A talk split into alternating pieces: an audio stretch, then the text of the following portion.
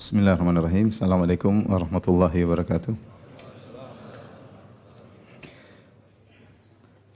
Alhamdulillahi ala ihsanih wa syukru lahu ala taufiqihi wa amtinanih wa asyhadu an la ilaha illallah wahdahu la syarika lahu ta'ziman li sya'nih wa asyhadu anna Muhammadan abduhu wa rasuluhu da'ila ridwanih. Allahumma salli alaihi wa ala alihi wa ashabi wa ikhwanih. Hadirin hadirat yang dirahmati oleh Allah Subhanahu wa taala. Kita lanjutkan pembahasan kita pada bab ke-33 Qaulillahi ta'ala tentang firman Allah Subhanahu wa taala Afa aminu makrallah? Apakah mereka merasa aman dari makar Allah? Fala ya'manu makrallahi illal qaumul khasirun. Maka tidak ada yang merasa aman dari makar Allah kecuali orang-orang yang merugi wa qawlihi dan juga firman Allah Subhanahu wa taala qala wa may yaqnatu min rahmati rabbih illa dhallun Ibrahim berkata dan siapakah yang putus asa dari rahmat Rabbnya kecuali orang-orang yang tersesat? Hadirin dan hadirat yang dirahmati Allah Subhanahu wa taala, bab ini ya sebagai kelanjutan dari pembahasan sebelumnya.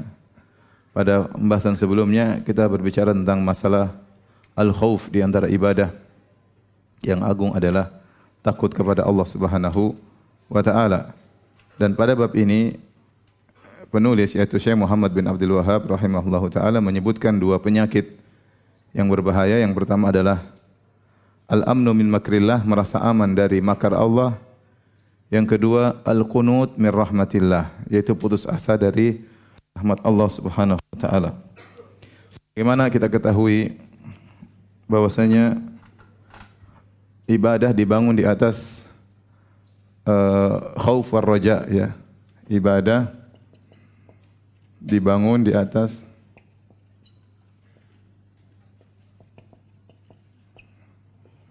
al-khauf dan ar-raja. Dan ar-raja berharap ya.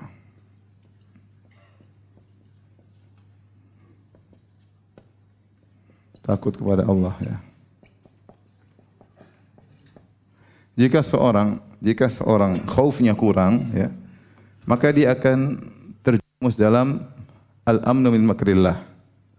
Jika khaufnya kurang atau tidak ada kepada Allah maka terjerumus ke penyakit rumus ke al-amnu min makrillah. Merasa aman dari makar Allah. Sebaliknya, jika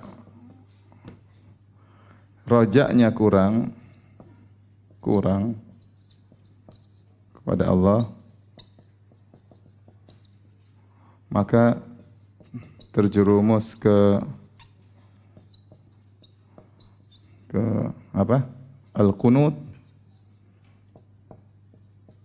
min rahmatillah yaitu putus asa dari rahmat Allah, dari kasih sayang Allah.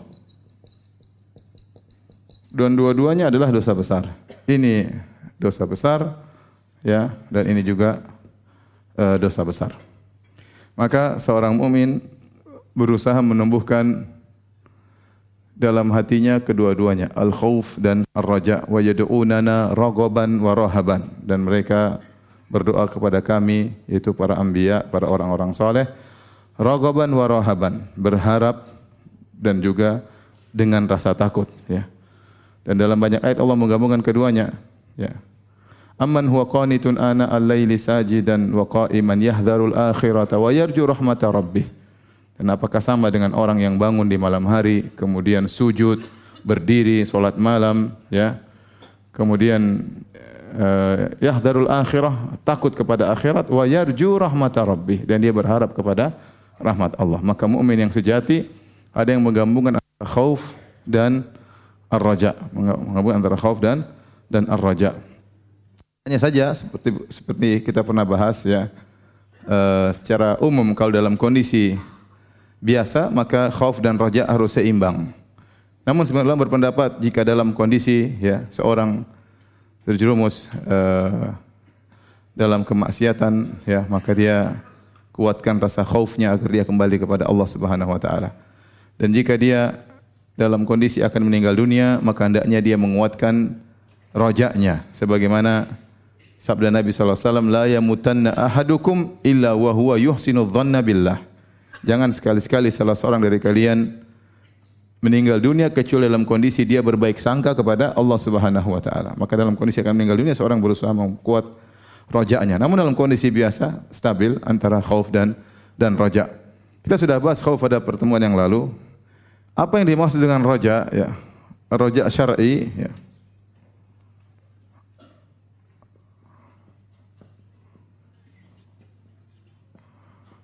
Roja yang disyariatkan ada syaratnya dua yaitu roja yang disertai dengan khauf. Harus ada khaufnya. Kalau tidak ada maka akan terjerumus dalam uh, al-amnu min makrillah. Kemudian harus disertai dengan amalan. Bukan hanya rojak yang hanya saya berprasangka baik kepada Allah tapi enggak pernah beramal soleh. Ini namanya tertipu, terpedaya. Namanya gurur. Jadi rojak yang tidak disertai dengan amal soleh maka itu namanya gurur, terpedaya. Oleh karena dalam banyak ayat Allah menggandengkan rojak dengan amalan. Seperti firman Allah Subhanahu wa taala, "Faman kana yarju liqa'a rabbih falyamal amalan salih." Barang saya berharap bertemu dengan Allah, maka hendaknya dia beramal soleh. Dia hendaknya beramal soleh. Sama seperti tadi ayat, Amman huwa qanitun ana al-laili sajida wa qa'iman yahdharul akhirata wa yarju rahmata rabbih. Dan apakah sama seperti orang yang solat malam, dia berharap kepada Allah. Dia berharap kepada Allah dalam kondisi dia solat apa? Solat malam. Dia beramal soleh. Seperti firman Allah juga juga innal ladzina amanu wal ladzina hajaru wa jahadu fi sabilillah ulaika yarjuna rahmatallah. Sungguhnya orang-orang yang beriman kemudian berhijrah dan berjihad di jalan Allah, itulah orang-orang yang sesungguhnya berharap kepada Allah Subhanahu wa taala. Adapun seorang berharap berprasangka baik kepada Allah, tidak ada amalan, maka ini hanya namanya gurur, terpedaya ya, terpedaya ya. Lakukan banyak maksiat tentang Allah Maha Pengampun, Allah Maha Penyayang ya. Sehingga maksiat terus yang ada masalah ya. Itu namanya terpedaya ya. Jadi harus dengan amalan berdasarkan dalil-dalil yang tadi uh, saya sebutkan. Taib. Bagaimana menumbuhkan rojak dalam diri seorang ya?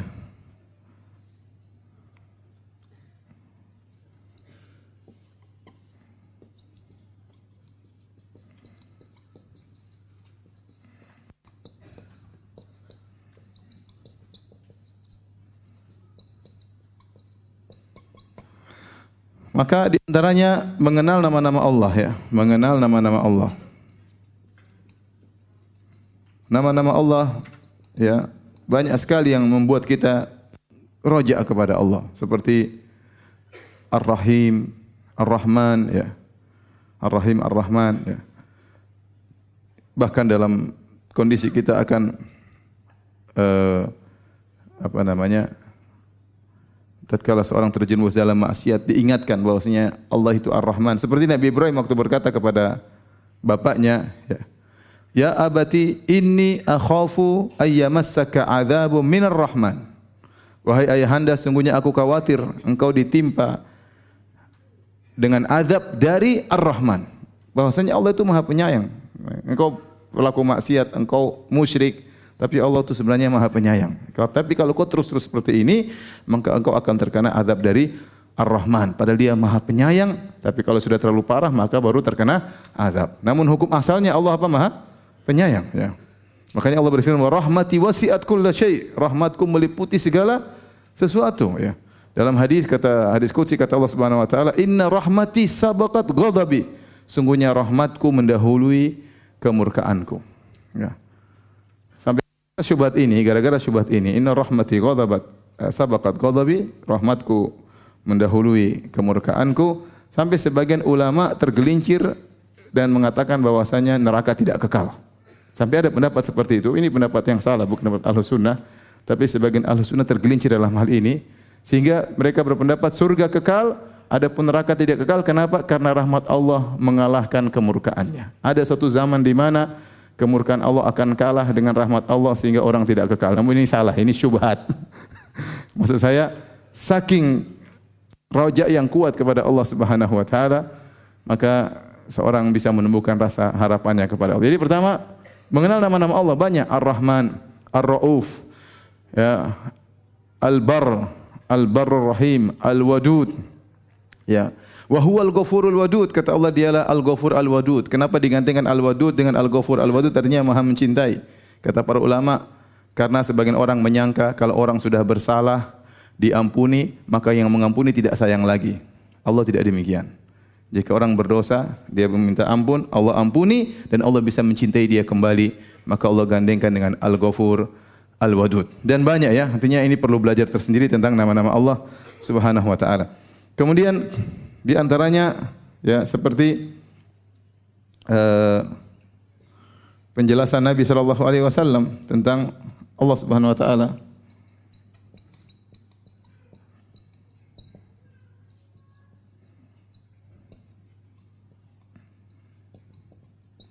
Seperti Nabi SAW mengatakan, Allahu arhamu bi ibadihi min hadi bi waladiha.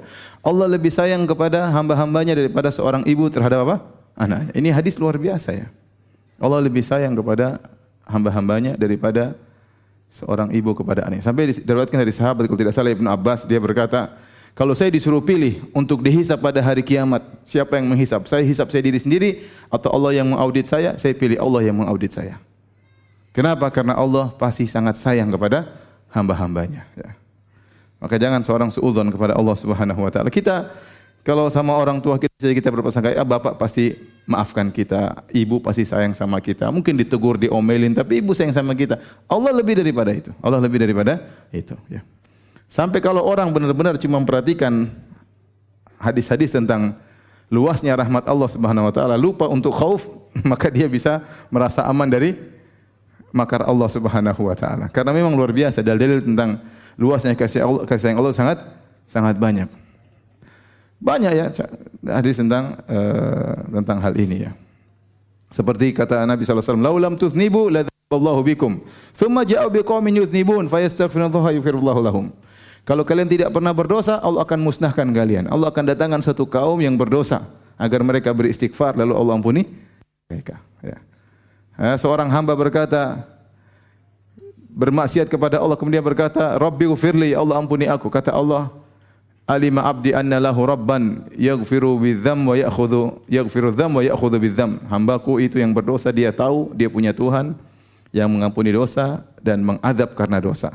Dan dia minta ampun Ghafartu lahu aku ampuni dia. Thumma makatha masya Allah kemudian dia dalam waktu yang lama tidak bermaksiat. Kemudian bermaksiat lagi. Adnaba dzamban akhar bermaksiat lagi. Waktu bermaksiat lagi dia berkata lagi, Rabbi ghufirli, ya Allah ampuni aku. Hambaku itu tahu siapa saya. Dia tahu bahwasanya saya Tuhannya mengadab karena dosa dan mengampuni dosa dan dia minta ampun, aku ampuni dia. Semua makatha masya Allah kemudian berapa lama tidak maksiat lagi baru tobat. Enggak lama lagi maksiat lagi. Bilang lagi, Rabbi ufirli, ya Allah ampuni aku. Allah mengatakan, hambaku tahu dia punya Tuhan yang maha pengampun, aku ampuni dia. Coba kalau orang dengar-dengar hadis seperti ini, maksiat terus. Jangan sampai salah paham. Jadi harus hadis-hadis tentang seperti ini kita gandengkan dengan bahaya bagaimana orang bermaksiat, bagaimana orang kufur, bagaimana orang terpedaya dan macam-macamnya. Maka rojak yang syar'i memang harus disertai dengan apa? Khauf. Kalau tidak dia bisa tergelincir.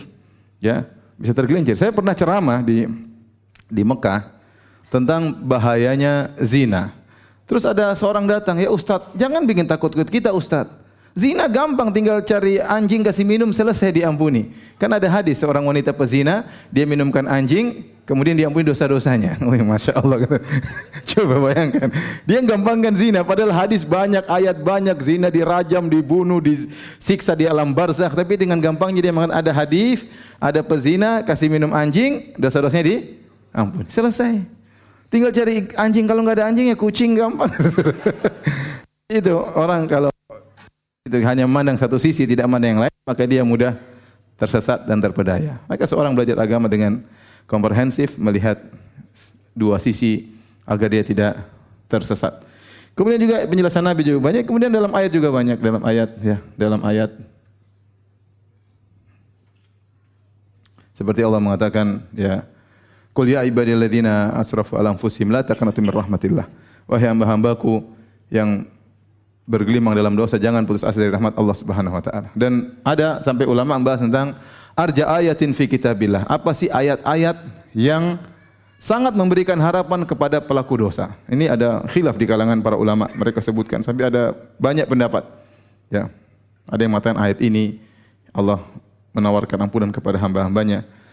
Sampai ada yang mengatakan bahwasanya ayat yang paling memberikan harapan kepada hamba-hamba Allah adalah ayat tentang utang piutang dalam surat Al-Baqarah. Ayat terpanjang dalam Al-Qur'an. Ya ayyuhalladzina amanu idza tadayantum bidainin ila ajalin musamman faktubu. Wahai orang yang beriman jika kalian jual beli utang piutang maka catatlah. Kata para ulama, lihat masalah utang piutang, masalah yang sepele seperti ini Allah perhatikan sampai Allah detailkan sampai Allah turunkan ayat yang terpanjang ini tidak lain kecuali karena Allah sayang kepada hamba-hambanya. Ya. Tapi intinya kita harus menumbuhkan rojak dalam hati kita ya agar kita tetap tidak putus asa kepada rahmat Allah Subhanahu wa taala. Yang ingin saya bahas lagi juga dalam hal ini adalah masalah makar ya karena dalam ayat yang pertama yang dibawakan oleh Al-Imam Muhammad bin Abdul Wahab yaitu afa aminu makrallah apakah mereka mereka merasa aman dari makar Allah. Ini mereka merasa aman kenapa? Karena khaufnya terlalu rendah, rojaknya ketinggian. Tidak imbang. Rojaknya ketinggian, khaufnya rendah sehingga terjerumus dalam penyakit ini. Merasa aman dari makar Allah Subhanahu wa taala. Ya, ini ayat uh, dalam surat Al-A'raf ya. Afa amina ahlul qura ayyatiyahum ba'suna bayatan wa hum naimun aw amina ahlul qura ayyatiyahum ba'suna duhan wa hum yal'abun. Afa aminu makrallah fala ya'manu makrallah fala ya'manu makrallah illa al-qaumul khasirun. Apakah mereka merasa aman dari makar Allah ya, yaitu datang adab kepada mereka di malam hari dan mereka dalam kondisi tidur? Ataukah mereka merasa aman suatu penduduk negeri merasa aman akan datang azab kepada mereka di waktu duha di waktu siang hari sementara mereka sedang bermain-main tiba-tiba datang azab Allah ya hukuman Allah ya. Kemudian di akhir ayat kata Allah Subhanahu wa taala fala ya'manu makrallah. Tidak ada yang merasa aman dari makar Allah kecuali orang-orang yang merugi makar adalah suatu kata yang kita pahami bersama ya ya makar kita ngerti ya uh, hanya dinisbahkan kepada Allah dalam sisi muqabalah yaitu Allah makar kepada orang-orang yang berhak untuk dimakari oleh Allah Subhanahu wa taala. Allah tidak makar ibtidaan, tidak sejak awal Allah berbuat makar, tetapi Allah berbuat makar kepada orang yang berbuat apa? makar. Dan dalam Al-Qur'an ayat-ayat seperti ini banyak. Misalnya Allah istihza mengejek kepada yang mengejek seperti orang munafikin ya Wa idza laqul ladzina amanu qalu amanna wa idza khalau ila syayatinihim qalu inna ma'akum innama nahnu mustahzi'un Allahu yastahzi'u bihim wa yamudduhum fi tughyanihim ya'mahun. Jika orang munafik ketemu dengan orang-orang beriman, mereka bilang, "Oh, kami ini beriman." Ketika bertemu dengan kaumnya orang munafik, "Oh, kita ini sama-sama munafik seperti kalian." Kita hanya ngejek orang-orang beriman. Tatkala mereka mengejek, Allah balas dengan ejekan. Allahu yastahzi'u bihim. Allah yang mengejek mereka. Mereka berhak untuk diejek karena mereka yang mulai melakukan apa? Pengejekan. Innahum yakiduna kaida wa akidu kaida. Mereka membuat kait sama makar, aku pun berbuat makar kepada kepada mereka. Ya. Seperti juga orang-orang munafik menipu. Innal mun, eh, apa eh, innal munafiqina yukhadi'una Allah. Sungguhnya orang munafik menipu Allah wa huwa khadi'uhum dan Allah yang menipu menipu mereka. Ya. Ayat-ayat seperti ini banyak. Di antaranya yang berkaitan dengan makar. Dalam beberapa ayat seperti uh, firman Allah Subhanahu wa taala, "Wa yamkuruna wa yamkurullah wallahu khairul makirin." Mereka berbuat makar kepada Nabi dan Allah juga berbuat makar dan Allah sebaik-baik yang membuat makar kepada orang yang berhak untuk diberikan makar. Ya. Jadi kita tidak boleh mengatakan Allah al-makir, tukang makar, enggak boleh. Itu bukan nama Allah. Karena nama Allah itu syaratnya terpuji dalam segala kondisi. Syarat nama Allah itu harus terpuji dalam segala kondisi. Sementara makar itu bagi Allah hanya terpuji ketika Allah berbuat makar kepada orang yang telah berbuat apa? Makar. Sehingga dia terpujinya itu bersyarat. Maka tidak pantas untuk dijadikan nama Allah Subhanahu wa taala. Tidak boleh kita bilang ente kasih nama anak ente namanya Abdul Makir, enggak boleh. Enggak boleh. Ya, karena makar bukan nama Allah Subhanahu wa taala, ya. Seperti firman Allah Subhanahu wa taala tentang kaum Nabi Saleh, kata Allah Subhanahu wa taala dalam surat An-Naml, "Wa kana fil madinati tis'atu rahtin yufsiduna fil ardi wa la yuslihun." Qalu taqasamu billah lanubayyitannahu wa ahlahu. Ya, thumma lanaqulanna liwalihi ma syahidna mahlaka ahlihi wa inna la sadiqun. Wa makaru makran wa makarna makran wa hum la yash'urun. Dan ternyata di kaum Samud ada sembilan orang yang mereka bikin makar berkumpul, kemudian mereka bersumpah. Mari kita bunuh Soleh dan keluarganya. Malam-malam kita bunuh mereka, kemudian besok paginya kita bilang sama wali-walinya, kami tidak tahu apa yang terjadi kepada Soleh dan istrinya. Mereka hendak berbuat makar. Wa makaru makran, kata Allah mereka hendak berbuat makar. Wa makarna makran, maka kami pun berbuat makar kepada mereka. Mereka terbunuh, dibunuh oleh Allah sebelum mereka ingin membunuh Nabi Soleh dan keluarganya. Wahum la yash'urun. Jadi poin di sini. Wahum la yash'urun. Mereka tidak sadar akan makar Allah Subhanahu wa taala. Mereka tidak sadar akan makar Allah Subhanahu wa taala. Ya. Kata Allah Subhanahu wa taala juga dalam uh, ayat yang lain. Qad makara alladziina min qablihim fa atallahu bunyanahum minal qawa'id fa kharra 'alaihim saqfu min fawqihim wa atahumul 'adzabu min haitsu la yash'urun. Sungguh Allah telah berbuat makar kepada sebelum orang-orang Quraisy. Itu Allah pernah berbuat makar kepada orang-orang pembuat makar sebelum orang-orang Quraisy. Maka Allah datangi bangunan mereka, maka Allah hancurkan dari akarnya, maka jatuhlah atap bangunan mereka menimpa mereka dan telah datang kepada azab kepada mereka wahum la yash'urun dalam kondisi mereka tidak tidak sadar ya. Jadi Allah berbuat makar artinya Allah membalas mereka tanpa mereka. Makanya dalam ayat ya Afa amin ahlul qura ayyatiyahum ba'suna bayatan wa hum naimun. Apa mereka merasa aman datang makar Allah mereka sedang tidur, tidak sadar. Tahu-tahu datang azab ya. Uh, makanya tatkala Allah membuat makar, jadi azab Allah Allah sifati dengan makar, artinya Allah menimpakan azab siksaan kepada mereka tanpa mereka sadari. Di malam hari tatkala mereka sedang tidur atau duhan wahum yal'abun sedang main-main, sedang asik-asik, sedang bersenda gurau, sedang ketawa ketiwi, tahu-tahu Allah turunkan apa? Azab tanpa mereka sadari. Makanya ya wallahu khairul makirin. Allah pembuat makar terbaik. Ya, tidak disadari sama sekali tiba-tiba datang azab. Banyak orang bikin makar ketahuan makar mereka ya. Undang-undang makar ya. Jadi banyak orang bikin makar ketahuan. Allah kalau sudah buat makar kepada seorang tanpa dia sadari. Makanya di antara bentuk makar adalah istidraj. Kata Allah Subhanahu wa taala, "Sanastadrijuhum min haitsu la ya'lamun." Ada selalu itu. La yash'urun, la ya'lamun. Kami akan istidraj mereka tanpa mereka sadari.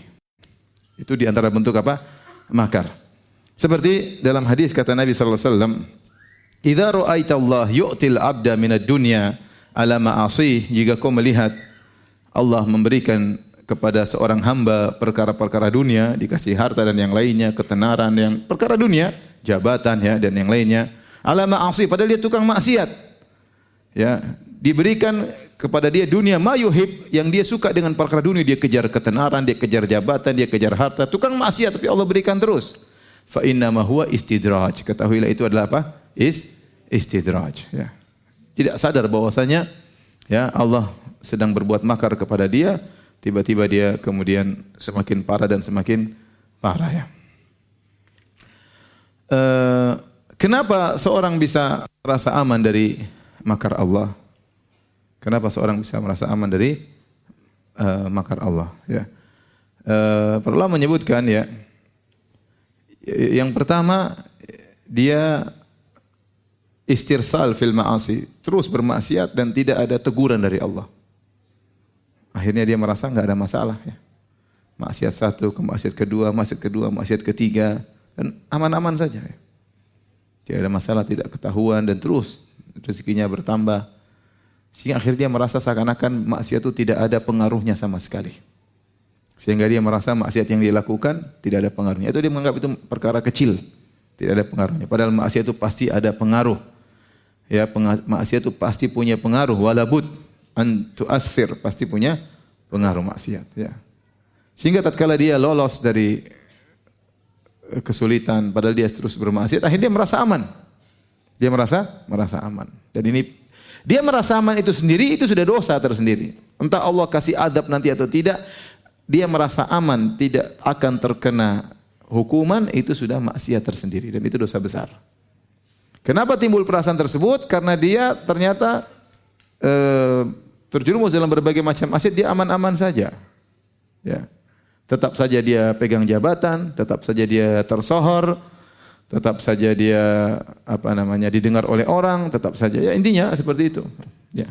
Dia, dunia tetap dia dapatkan. Maka terjerumus dalam uh, al-amnu min makrillah, merasa aman dari makar Allah Subhanahu wa taala. Yang kedua kata para ulama sebabnya karena dia merasa ujub dengan apa yang dia lakukan ya. Dia merasa ujub sehingga dia lupa diri, dia merasa bahwasanya apa yang dilakukan suatu besar, apa yang dilakukan suatu yang hebat sehingga dia merasa Allah tidak akan uh, menegurnya, Allah tidak akan mengazabnya. Ya, ini di antara hal-hal yang akhirnya membuat dia merasa aman dari makar Allah Subhanahu wa taala Waliyahzubillah. Dan itu adalah dosa besar. Taib, kita lanjutkan ayat yang kedua. Kata Allah Subhanahu wa taala, "Qala wa may yaqnatu min rahmati rabbi illa dhalun." Dan siapakah yang merasa dan siapakah yang putus asa rahmat Allah kecuali orang-orang yang sesat. Ini perkataan Nabi Ibrahim alaihissalam yang Allah sebutkan dalam surat Al-Hijr ya. Wa nabbihum an dhaifi Ibrahim idh dakhalu alaihi faqalu salaman Qala inna minkum wajilun. Qala la qalu la taujal. Inna nubashiruka bi ghulamin alim. Qala abashartumuni ala ammassani al kibaru. Fabima tubashirun?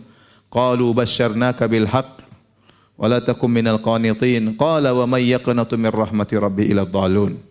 Kata Allah dan kabarkanlah kepada mereka tentang kisah tamu-tamunya Nabi Ibrahim yaitu para malaikat. Tatkala mereka mengucapkan salam kepada Nabi Ibrahim, Kemudian Nabi Ibrahim mengatakan kami takut kepada mereka. Kenapa? Karena Ibrahim kasih makanan mereka tidak sentuh sama sekali. Ini siapa? Kaum datang dikasih makanan kau enggak makan. Fa'ujasa minhum khifah, maka dia pun ketakutan, ya. Nabi Ibrahim pun ketakutan. Maka mereka mengatakan, "Jangan khawatir, kami datang ini untuk beri kabar kepada engkau kau akan punya seorang anak yang alim yaitu Ishak, ya. Itu Ishak. Akhirnya Ibrahim berkata, "Apakah aku masih bisa punya anak?" Sementara aku sudah tua, ya. ya. Ya, dan dalam ayat yang lain istriku juga mandul ya. Bagaimana? Atau sudah sangat tua ya, bagaimana bisa punya anak? Maka malaikat berkata, "Jangan kau menjadi orang yang putus asa dari rahmat Allah." Maka Ibrahim menjawab, "Saya tidak putus asa, ya. Saya cuma takjub. Wa may yaqnatu min rahmati rabbi ila dhalun." Sungguhnya tidak ada yang putus asa kecuali orang-orang yang yang sesat. Jadi ini juga dalil akan haramnya putus asa dari rahmat Allah Subhanahu wa taala, ya. Kenapa orang bisa sampai putus asa rahmat Allah Subhanahu wa taala? Di antaranya ketakutan yang berlebih-lebihan. Ketakutan yang berlebih-lebihan. Makanya para ulama mengatakan, barang siapa yang beribadah kepada Allah hanya dengan takut, maka dia seperti orang khawarij. Orang khawarij itu memutuskan asa diri mereka dan asa orang lain memutuskan rahmat untuk mereka sendiri dan memutuskan rahmat buat orang lain. Maka mereka sangat mudah saling mengkafirkan di antara mereka. Ya. Karena sebagian mereka seperti di di Suria, sebagian mereka kelompok-kelompok perang ini terkadang di antara mereka memiliki pemikiran khawarij, takfiri, sehingga mereka saling mengkafirkan di antara mereka dan ini mengerikan. Ya, apalagi di luar mereka, maka mudah sekali mereka kafirkan orang orang lain karena mereka tidak beri harapan kepada orang lain kepada diri mereka saja mereka tidak beri harapan apalagi kepada orang orang lain. Kenapa? Karena ketakutan yang terlalu tinggi tidak dibarengi dengan rahmat atau roja harapan kepada Allah Subhanahu wa taala. Biasanya orang putus asa itu kenapa? Karena dalam urusan agama terlalu banyak dosa yang dia lakukan. Dia mungkin berzina mungkin dia ini korupsi, apalah bunuh orang, akhirnya dia putus asa. Dia merasa tidak akan diampuni oleh Allah Subhanahu wa taala, maka dia terjerumus dalam putus asa kepada Allah Subhanahu wa taala. Atau dia putus asa karena dihadapkan dengan ujian-ujian dunia yang tidak bisa dihadapi. Ya, ternyata dia sudah kerja tetap aja miskin, melamar sana tetap aja tidak diterima. Akhirnya putus asa seakan-akan dunia ini sempit bagi dia, dia tidak bisa memperoleh dunia sehingga dia suudzon kepada Allah Subhanahu wa taala. Atau dia melihat misalnya kondisi kaum muslimin seperti ini maka dia putus asa. Dia merasa bahwasanya tidak akan ada kebangkitan bagi umat Islam. Misalnya, ya, bahwasanya kita akan sehancur-hancurnya. Mungkin dia lihat kondisi dia, kondisi uh, dunia, kondisi politik dan kondisi lainnya akhirnya dia timbul putus asa bahwasanya tidak akan mungkin Islam jaya kembali misalnya ini tidak boleh. Ya, seorang tetap aja husnudzan kepada Allah Subhanahu wa taala dan meyakini bahwasanya apa yang Allah tetapkan itu yang terbaik dengan hikmah Allah Subhanahu wa taala. Baik. Kita lanjut ya. An Ibnu Abbas radhiyallahu anhuma dari sahabat Ibnu Abbas, anna Rasulullah sallam suila anil kabair. Rasulullah sallam ditanya tentang dosa-dosa besar. Faqala asyirku billah. Maka Nabi berkata syirik kepada Allah. Wal ya'su min rauhillah dan putus asa dari rauhillah, rahmat Allah. Wal amnu min makrillah dan merasa aman dari makar kepada Allah Subhanahu wa taala. Di sini Rasulullah menyebutkan tiga dosa, syirik kepada Allah, putus asa dari rahmat Allah, merasa aman dari makar Allah. Ini menunjukkan dosa besar. Hadis ini diperselisih oleh para ulama. Sebagian ulama menghasankan ya, uh, seperti Al-Haytami ya, kemudian Al-Iraqi dan yang lainnya ya. Uh, sebagian mengatakan ada hadis ini adalah mauquf kepada Ibnu Abbas radhiyallahu anhu. Intinya hadis ini apakah dia mauquf Ibnu Abbas yang ngomong atau Nabi yang ngomong sallallahu alaihi wasallam maka tidak ada bedanya. Kalau Ibnu Abbas yang berbicara tentang hal ini berarti dia telah berbicara tentang sesuatu yang gaib dan hukumnya adalah hukum marfu. Ya, hukum marfu dari Nabi sallallahu alaihi wasallam. Intinya dalam hadis ini ada tiga dosa besar. Syirik kepada Allah kita sudah tahu. Yang kedua al-ya'su min rauhillah. Merasa putus asa dari rauhillah. Apa bedanya rauh dengan rahmat? Uh, rahmat Allah itu lebih luas mencakup perkara yang diharapkan dan mencakup kesulitan yang hendak dihilangkan. Seorang berharap kepada Allah rahmat Allah agar dia mendapatkan apa yang dia cita-citakan, dan dia berharap rahmat Allah agar kesulitan yang dia hadapi hilang. Adapun rauh berkaitan dengan kesulitan yang sedang dihadapi. Disebut rauh berarti dia berharap kepada Allah agar kesulitan yang dia hadapi di, dihilangkan. Makanya berkata Yakub alaihissalam kepada anak-anaknya, Ya bani yadhabu fatahassasu min Yusuf wa akhihi wa la tayasu min rauhillah. Innahu la yayasu min rauhillah ilal qaumul kafirun. Kata Nabi Yakub, wahai anak-anakku, pergilah kalian tahasus, tahasus cari-cari berita dengan mendengar, tajasus cari-cari berita dengan melihat. Carilah carilah kabar dengan dengar-dengar sana sini tentang Yusuf dan saudaranya. Ya, jangan kalian putus asa dari rohillah, dari pusat rahmat Allah. Maksudnya kita sedang menghadapi kesulitan, hilang anak anak saya hilang, Yusuf hilang, Benyamin ditahan, ya. Kemudian maka maka Yakub menggunakan takbir ungkapan dengan rauhillah karena itu adalah mengharap rahmat Allah agar menghilangkan kesulitan yang mereka hadapi. Jadi maksud saya rahmat itu lebih umum, rauh itu lebih apa? khusus. Rauh berkaitan dengan kesulitan yang sedang dihadapi agar dihilangkan oleh Allah Subhanahu wa taala. Ini termasuk dari rahmat Allah Subhanahu wa taala. Dan dosa yang ketiga wal amnu mimakrillah merasa aman dari makar Allah Subhanahu wa taala. Merasa tidak bakalan diazab, merasa maksiat tapi dia merasa aman ya. Ini ini bahaya ya. Maksiat ini merasa aman, tenang aja, santai-santai aja ya. Jadi tidak tahu tiba-tiba Allah bisa mengadab dia, tiba-tiba Allah bisa mencabut kenikmatan darinya, tiba-tiba Allah bisa bongkar aibnya, tiba-tiba Allah bisa macam-macam Allah mau lakukan. Jangan pernah merasa aman. Ante bermaksiat dan kita semua pasti bermaksiat, segera bertobat kepada Allah. Jangan pernah tunda. Kenapa seorang menunda tobat? Karena dia merasa aman. Dia merasa aman, bahwasanya dia tidak akan terkena apa-apa dan biasanya dia aman. Gara-gara biasanya dia merasa aman, akhirnya dia merasa aman. Tapi seorang yang beriman, kapan dia melakukan maksiat pasti ada ketakutan. Segera dia beristighfar kepada Allah, segera bertobat kepada Allah. Jangan tunda-tunda. Jangan tunda-tunda. Tatkala dia menunda taubatnya, itu menunjukkan dia ada merasa apa? Aman. Itu bahaya. Kenapa dia merasa aman? Karena biasanya dia selamat meskipun maksiat. Biasanya dia selamat. Ya. Dia mau selingkuh sama istri orang, dia mau apa, kayak mau apa, selamat, aman. Istri tidak tahu, aman, tentram. Dia merasa aman. Ya, dia juga usaha lancar-lancar saja misalnya. Dan an Ibni Mas'udin radhiyallahu anhu dari Ibnu Mas'ud qala akbarul kabair al isyraku billah. Kata Ibnu Mas'ud, dosa paling besar adalah syirik kepada Allah. Wal amnu min makrillah, merasa aman dari makar Allah. Wal kunutu min rahmatillah dan putus asa dari rahmat Allah. Wal ya'su min rauhillah dan putus asa dari rauhillah. Tadi sudah kita bahas bedanya rahmat sama apa? Roh. Di sini digabungkan kedua-duanya. Al kunut min rahmatillah wal ya'su min rauhillah. Dan dalam bahasa Arab ketika ada kalimat A dan B pasti ada bedanya A dan B. Ya. Kalau dalam bahasa Arab dikatakan A dan B ada dannya berarti A pasti ada bedanya dengan B. Tatkala Allah mengatakan Nabi mengatakan rahmat dengan rauh ada kata dan berarti rahmat dan rauh ini pasti ada bedanya. Bedanya apa? Rahmat lebih umum, rauh lebih apa? Khusus. Allah taala alam uh, bisawab. Ini juga dalil bahwasanya uh, dalam syariat ada dosa besar, ada dosa kecil. Ya, makanya Allah mengatakan in tajtanibu kaba'ira ma tunhauna anhu nukaffir ankum sayyiatikum. Jika kalian meninggalkan dosa-dosa besar, kalian jauhi dosa-dosa besar sejauh-jauhnya. Meskipun kalian melakukan dosa-dosa kecil, kalian akan aku akan ampuni dosa-dosa kalian. Ini berarti Allah membedakan dosa besar dengan dosa dosa kecil, ya. Seperti Allah berfirman juga tentang para penghuni surga. Ya. Walladzina yajtanibuna kaba'iral itsmi wal fawahisha illa lamam. Ya. Alladzina yajtanibuna kaba'iral itsmi wal fawahisha illa lamam. Sungguhnya para penghuni surga itu adalah orang-orang yang mereka menjauhkan diri mereka dari dosa-dosa besar dan dosa-dosa keji illa lamam kecil dosa-dosa kecil mereka tidak bisa menghindar. Inna rabbaka wasi'ul maghfirah. Allah akan ampuni dosa-dosa kecil mereka selama mereka syaratnya meninggalkan dosa-dosa besar dan dosa-dosa yang yang keji. Maka ternyata ada dosa besar, ada dosa kecil. Apa definisi dosa besar? Dosa besar yaitu dosa yang diberi ancaman secara khusus dalam syariat. Dosa besar, dosa yang diberi ancaman khusus secara dalam syariat. Apakah disebut diancam dengan neraka secara khusus disebutkan serius oleh Nabi SAW? Ya, dan itu banyak. Atau Nabi mengatakan, "Laisa minna bukan bagian dari kami." Ya.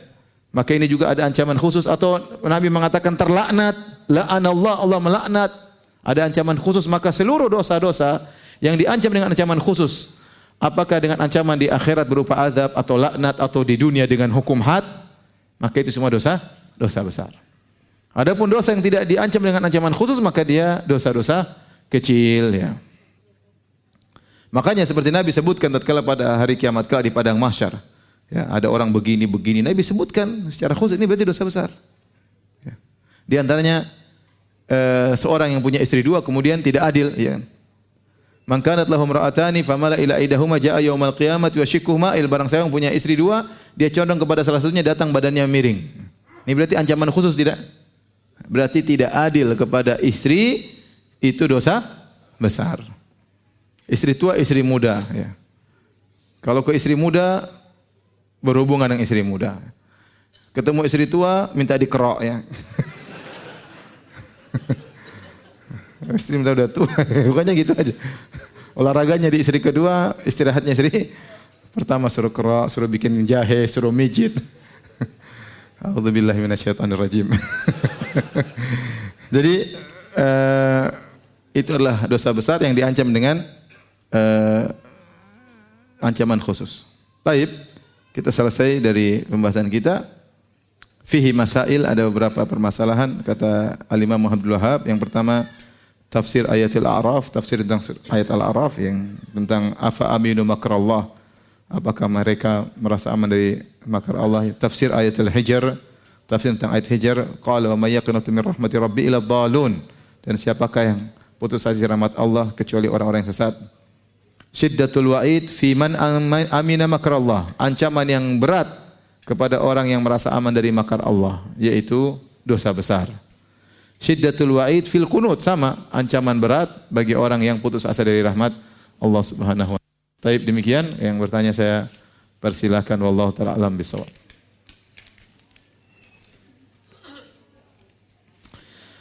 Apakah boleh jika anak menuruti perintah ayah jika disuruh belikan rokok untuknya Padahal anak sudah tahu bahwa rokok itu haram. Dosakah? Ah, doakan ayah saya agar dapat berubah ya. Kalau ayah suruh beli rokok, nasihati ya. Apa namanya? Sudah berhentilah ya ya. ya. doakan ya, bicara baik-baik, tidak usah menolak dengan kasar ya. Saya tidak mau beli, tidak mau belikan. Kenapa? Saya takut dosa ya. ya. Bilang aja, bicara baik-baik, tidak perlu kasar. Ya, orang tua kita bagaimanapun tetap kita harus lembut selama sebaik-baiknya ya. Saya sering sampaikan, kita ini alhamdulillah dikasih hidayah sunnah oleh Allah. Orang-orang tua kita dulu mungkin tidak mendapati suasana seperti kita. Tidak ada pengajian, tidak ada orang yang memperingatkan, tidak ada medsos yang menjelaskan tentang agama, tidak ada komunitas ya.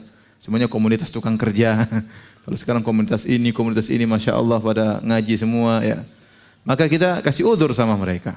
Sebagaimana mereka waktu kita masih kecil mereka sabar ngurusin kita, kita nakal ditegur dengan baik, kita rewel, kita nangis, dia sabar banget. Baik bapak maupun ibu kita. Sekarang kalau orang tua kita mungkin masih terjerumus dalam kesyirikan atau bid'ah atau maksiat, maka antum harusnya balas budi sebaik-baiknya dengan menasihati mereka dengan penuh kesabaran, dengan penuh apa? kelembutan ya. Ya, maka kalau kita pun orang tua suruh belikan rokok, kita tolak dengan dengan halus, dengan cara yang baik.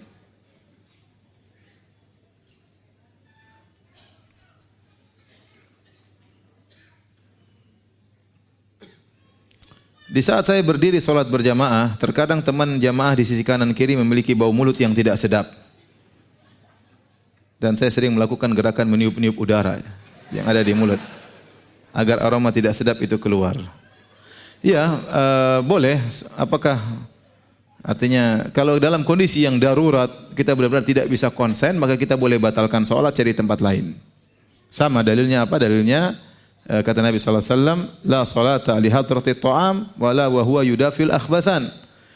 Tidak ada solat bagi orang yang sudah dihadirkan makanan, dia sangat lapar, kemudian dia nekat solat, maka pikirannya pasti kepada kemakanan, khusuknya terganggu, Demikian juga orang yang tahan buang air besar atau buang angin atau buang air kecil dia tahan-tahan dia bisa terus sholat sampai selesai tapi konsentrasinya ter terganggu. Maka disuruh untuk batalkan. Disuruh untuk batalkan. Nah kalau ternyata kita qadarullah salah posisi Allahu amin. Waduh.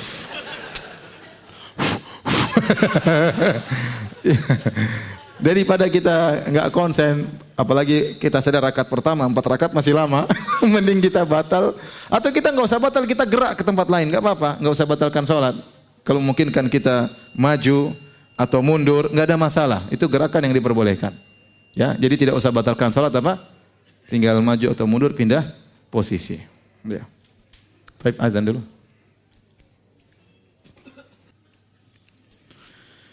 Ustaz, menurut Ustaz hukum orang yang bekerja di suatu instansi yang memungut biaya masuk dan cukai serta juga mengawasi peredaran barang-barang berbahaya seperti narkoba. Bagaimana Ustaz? Mohon penjelasannya. Allah alam bisawab ya. Yang di yang disepakati keharamannya seperti sahibu maksin finnar, penarik pajak di neraka, itu orang yang mengut pajak tanpa ada alasan sama sama sekali ya.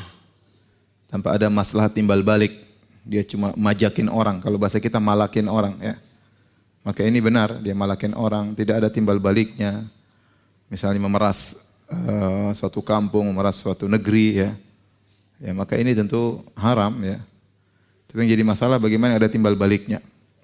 Seperti kita bicara tentang biaya cukai yang ada di pelabuhan atau di bandara.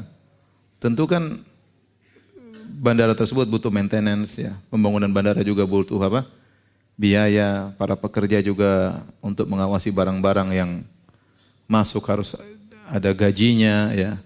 Saya rasa ini termasuk al-masalih al-mursalah, permasalahan maslahat yang bisa ditinjau kembali dan tidak mengapa hal tersebut karena demi kemaslahatan ya.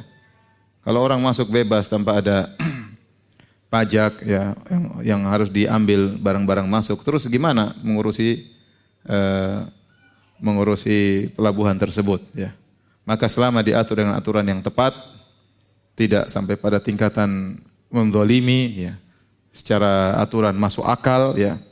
Ya, secara penjelasan bisa logis, maka saya rasa tidak tidak mengapa ya. Ya tidak mengapa karena ini demi kemaslahatan. Sama seperti orang masuk pasar kemudian ada sewa ya.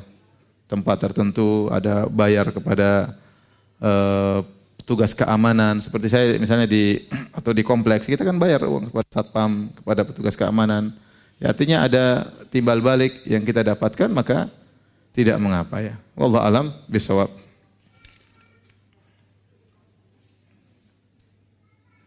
Saya mau bertanya bagaimana hukum yang wudhu di kamar mandi atau WC dan kita membaca bismillah. Apakah sah wudhunya? Mohon penjelasan. Uh, para ulama memang membicarakan tentang hukum seorang berzikir kepada Allah dalam hammam. Sampai mereka bahas dalam Sahih Bukhari dalam Fathul Bari juga disebutkan. Dengan Bukhari bahas, Ibnu Hajar juga bahas. Ya. Tidak lain karena mereka dahulu semangat untuk berzikir kepada Allah. Nah, timbul pertanyaan, apakah tatkala mereka tidak berpakaian, dalam hammam. Hammam itu tempat mandi ya. Masuk di dulu di zaman dahulu ada hammam, mereka mandi di situ ya. Eh, bukan tempat buang air besar tapi buat apa? Buat mandi dalam kondisi tidak berpakaian. Apakah mereka boleh berzikir kepada Allah? Ya. Ada dua dua sisi. Sisi pertama kita dituntut untuk berzikir kepada dalam segala kondisi. Sisi kedua masalah kesopanan. Masalah kesopanan. Apa kita berzikir kepada Allah dalam kondisi tidak berpakaian? Allah alam bisawab ya, tidak ada larangan, tidak ada apa? larangan akan hal tersebut ya. Maka sebagian ulama berpandang tidak jadi masalah. Tidak jadi masalah seorang misalnya dalam kondisi tidak berpakaian kemudian dia mengucapkan bismillah apalagi untuk wudu ya. Selama dia tidak sedang buang air artinya dia berpindah dari posisi uh, toilet menuju ke posisi untuk berwudu dia ucapkan bismillah tidak mengapa. Saya memilih pendapat tersebut. Adapun sebagian Ulama berpendapat kita baca di luar sudah cukup. Tatkala kita masuk tidak perlu baca lagi bis. Bismillah lagi pula mengucapkan bismillah tatkala wudu hukumnya sunnah, tidak tidak wajib.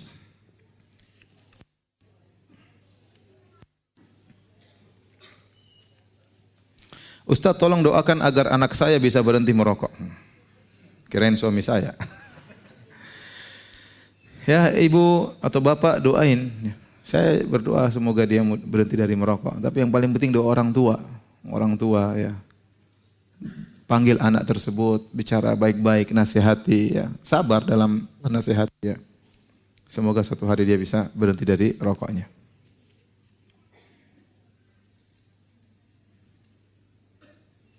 Bagaimana bila kita meminjamkan uang kepada teman tapi tidak pernah menagih? Karena pernah suatu hari saya menagih namun dia banyak alasan. Ini ini masalah ini ikhwan ya. Saya pernah ketemu orang dia tidak mau minjamkan uang kepada kawan-kawan yang pinjam kepada dia. Saya setelah suri, saya setelah setelah saya telusuri karena dia bilang, "Ustaz, saya ini terlalu pinjamkan uang banyak orang tidak ada yang kembali." Maka dia sudah kapok. Hanya dia pukul rata, semua orang pinjam uang enggak, ya seperti itu ya. Karena sebenarnya ikhwan, saya bilang katakan, kita ini kalau ada orang kasih uang sama kita, pinjam uang kan, meminjamkan uang kepada kita, itu orang sangat baik. Apalagi di zaman sekarang ini yang mungkin ekonomi lagi turun, orang berusaha memegang aset dia, memegang uang dia. Ada orang pinjamkan uang sama kita yang sangat apa? Sangat baik. Maka harusnya kita balas ya kebaikan dengan kebaikan, bukan kita balas kebaikan dengan keburukan. Sampai tatkala dia menagih justru dia mengemis kepada kita ya. Sampai kalau kita bayar dia yang bilang jazakallahu khairan. jazakallahu siapa saya tuh? Ya, harusnya yang bilang jazakallahu khair itu yang minjem uang bukan minjamkan, tapi karena kondisi sudah berubah, Ikhwan tidak tahu diri ya. Akhirnya yang yang menagih malah ngemis-ngemis, begitu dibayarkan duitnya, jazakallah khair, jazakallah khair. Jadi janganlah antum seperti itu. Maka ingat sabda Nabi SAW, Matalul ghani zulmun. Menunda-nunda bayar hutang, padahal dia mampu untuk bayar, itu adalah dosa. Selama dia untuk bayar, dia tunda-tunda terus, dosa argo dosa berjalan. Ya, maka wajib bagi anda jika sudah jatuh tempo, kalau belum jatuh tempo tidak ada masalah. Tapi sudah jatuh tempo, anda punya duit, maka yang lain berhenti dulu. Jangan beli mobil, jangan beli ini. Jadi ngomel-ngomel nggak usah dengar ya. Bayar dulu, bayar dulu hutang. Setelah itu mau belikan dompet kayak baju kayak belakangan ya. Selama antum punya uang, antum tidak boleh tunda. Kalau antum tunda, antum berdosa.